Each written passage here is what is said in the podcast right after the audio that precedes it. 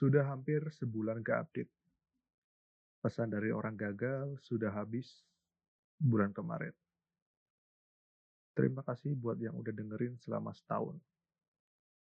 Dan untuk season 2 ini, judulnya Apa Kata Esok Hari.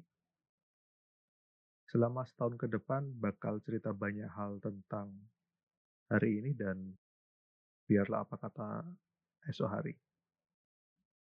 Season ini aku dedikasikan untuk teman-teman yang udah setidaknya mencoba menjadi orang yang lebih baik dan juga teman-teman yang lagi mungkin berduka, mood lagi down, yang lelah karena menanti kabar, lelah karena overthinking, atau mungkin lelah menjalani hari ini.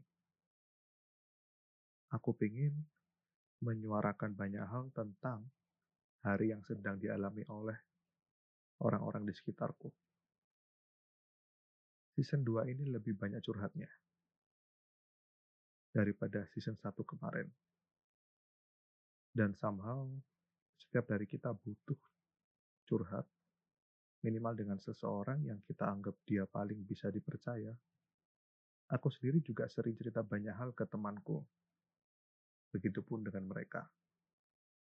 Minimal aku dapat merasakan lega karena ada yang mau dengar keluh kesahku tentang hari ini.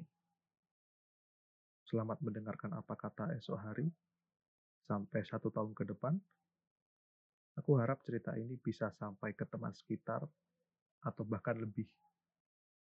Semoga esok hari kalian menyenangkan. Jangan lupa untuk bahagia. Salam dari sekitaranmu.